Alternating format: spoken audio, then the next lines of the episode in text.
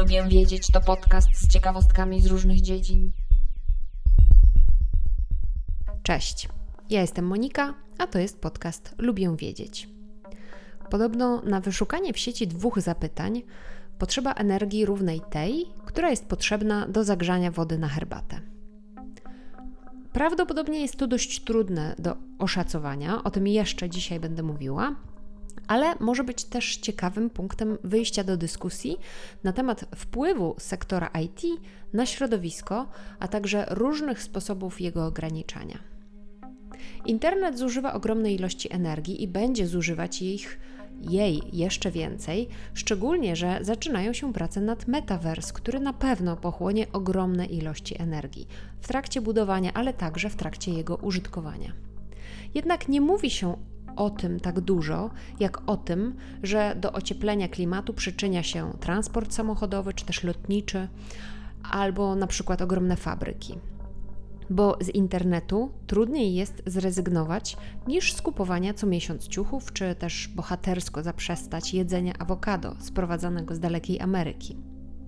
Dzisiaj opowiem Wam o energetycznych kosztach internetu, no i powiem Wam o tym korzystając oczywiście właśnie z internetu, czyli zużywając samą energię, ale także zachęcając Was do jej używania, bo do odsłuchania tego podcastu także potrzebujecie połączenia internetowego, chociażby do jego ściągnięcia. Ale zobaczmy, czy faktycznie powinniśmy się tego wstydzić i czy powinniśmy ograniczać naszą działalność w sieci. Na początku powiedziałam, że internet zużywa ogromne ilości energii ale żeby poznać, jak duże są to ilości, musimy wiedzieć, co składa się na internet i ile te poszczególne elementy internetu pobierają energii. No ale czym jest internet? Jest to sieć połączonych komputerów, tak najprościej mówiąc, i składają się na nie także takie zestawy serwerów zwane centrami danych, tak zwane data centers. Data center to zestaw komputerów, które tworzą pewne zaplecze systemu internetowego. Centra danych niekoniecznie muszą być połączone z całą siecią z internetem. Może to być system wewnętrzny w jakiejś organizacji czy też firmie. Ale ogólnoświatowa sieć opiera się właśnie na ogromnych centrach danych, które zawierają setki tysięcy komputerów. Centra danych składają się z komputerów, serwerów internetowych i różnego rodzaju komputerów mainframe.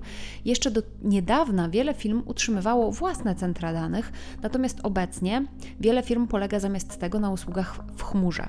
Oznacza to, że zatrudniają inną firmę do dostarczenia urządzeń fizycznych, na których znajdują się dane i usługi firmy. Centra danych w, chmurze są naprawdę ogromne, mają setki tysięcy maszyn przechowywanych w ogromnych budynkach. Dane klientów tych firm przechowywane są na wielu komputerach, nie na jednym komputerze dane jednej firmy, ale na kilku, aby w razie jakiejkolwiek awarii dane można było odzyskać z innego komputera. Oczywiście każdy z komputerów wymaga zasilania. A tak wielka liczba komputerów z kolei wymaga także dużej energii do zasilania ich. Co więcej, taka liczba komputerów generuje ogromne ilości ciepła. Jeśli komputery się przegrzeją, mogą ulec awarii, a więc, żeby utrzymać je w odpowiedniej temperaturze gwarantującej bezawaryjną pracę, takie centra danych muszą być porządnie chłodzone. Chłodzenie także wymaga ogromnej ilości energii. Do tej pory używano klimatyzacji, czy też jakichś może innych metod schładzania komputerów. Ale co ciekawe, tak troszeczkę obok tematu e, pobierania energii opowiem Wam o pewnej ciekawostce, o której możliwe, że kilkoro z Was nie wie. Otóż Islandia ostatnio stała się bardzo modnym miejscem na zlokalizowanie dużych centrów danych, właśnie ze względu na niską temperaturę, bo na Islandii taka średnia roczna temperatura to 5 stopni Celsjusza. Zimno, ale dla komputerów to całkiem sprzyjająca okoliczność. I okazuje się, że południowo-zachodni kraniec Islandii, który jest jałowym półwyspem wulkanicznym, to tam mieści się właśnie taki kompleks ogromnych data center należących do firmy Advania. W 2016 roku ta firma posiadała trzy takie ogromne budynki z centrami danych, natomiast w 2019 było ich już 11. Niska temperatura otoczenia zmniejsza ilość energii koniecznej do ochładzania tak wielkich komputerów. W 2019 roku na Islandii istniały trzy duże firmy data center. Natomiast to nie tylko Islandia jest takim dobrym miejscem dla tych centrów danych. Oczywiście tam gdzie jest zimno, to są bardzo dobre miejsca. Na przykład Facebook ma przynajmniej część swoich centrów danych w Szwecji na kole podbiegunowym, a inni giganci z IT, na przykład Google czy Apple, także inwestuje w tego typu infrastrukturę w Skandynawii. A taka druga ciekawostka to taka, że do schłodzenia centrów danych używa się także oceanów. Otóż ostatnio, ostatnio to znaczy tak mniej więcej od 2018 roku, coraz więcej centrów danych zanurza się w oceanach. W głębi oceanów też panuje niska i stała temperatura. W 2018 roku w projekcie NATIC Zrobił tak Microsoft i okazało się, że to jest bardzo, ale to bardzo korzystne dla firmy pod względem ekonomicznym. W notatkach do tego odcinka znajdziecie link do bardzo ciekawego artykułu i materiału filmowego na ten temat, czyli na temat tego, jak Microsoft zanurza właśnie swoje centrum danych w oceanie. Skoro jesteśmy już przy oceanach, to jeszcze bardziej e, odchodząc od tematu, opowiem Wam o tym, że całe mnóstwo kabli światłowodowych jest zanurzonych w głębinach oceanów, a to wszystko po to, żeby informacje w sieci mogły przemieszczać się szybko, bez opóźnień i bez zakłóceń. W notatkach do dzisiejszego odcinka znajdziecie także arcyciekawą mapę, która pokazuje, ile tych połączeń pod powierzchnią wody jest. I poprzez Atlantyk, ale też pod Morzem Śródziemnym. Naprawdę niezwykle ciekawa mapa. No ale wróćmy do naszego szacowania zużywanej energii przez internet. Mówiłam o tym, że data centers zużywają bardzo dużo energii na ochładzanie i zasilanie komputerów. Ile? No niestety dokładnie tego nie wiemy. Firmy świadczące usługi data center nie chwalą się ani liczbą klientów, bo często są to dane poufne, ani liczbą zużywanej energii. Próbowano oszacować te koszty w jednym z badań z 2011 roku. Te szacunki obejmowały takie liczby jak 750 milionów komputerów stacjonarnych, 750 milionów laptopów, 1 miliard smartfonów, 100 milionów serwerów. No i obliczenia obejmowały również inne elementy infrastruktury internetowej. Ostatecznie ci naukowcy, którzy dokonywali tych szacunków, oszacowali, że internet zużywa od 84 do 143 gigawatów energii elektrycznej rocznie.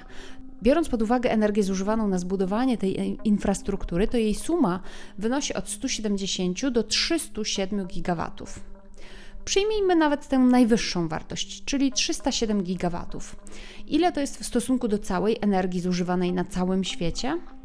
W 2019 roku świat konsumował ponad 170 tysięcy terawatów energii, co oznacza, że internet zużywa niecałe 2% światowego zużycia energii. Znalazłam wprawdzie informację o tym, że Królewska Wyższa Szkoła Techniczna w Szwecji opublikowała raport za 2020 rok, w którym szacuje, że na użytkowanie internetu przypada już 10% całej konsumowanej na świecie energii, a do 2025 roku ta liczba może się zwiększyć nawet do 20%, ale Jednocześnie trzeba też zwrócić uwagę na to, że większość firm z branży IT optymalizuje swoje koszty, a co za tym idzie, optymalizuje także koszty zużycia energii, czyli właśnie stara się używać do chłodzenia centrów danych na przykład naturalnych źródeł, jak oceany czy zimne powietrze, a jeśli używa energii, to używa tej ze źródeł odnawialnych. Więc chyba tak szybko nie musimy się odcinać od sieci, przynajmniej nie ze względu na zużywaną energię.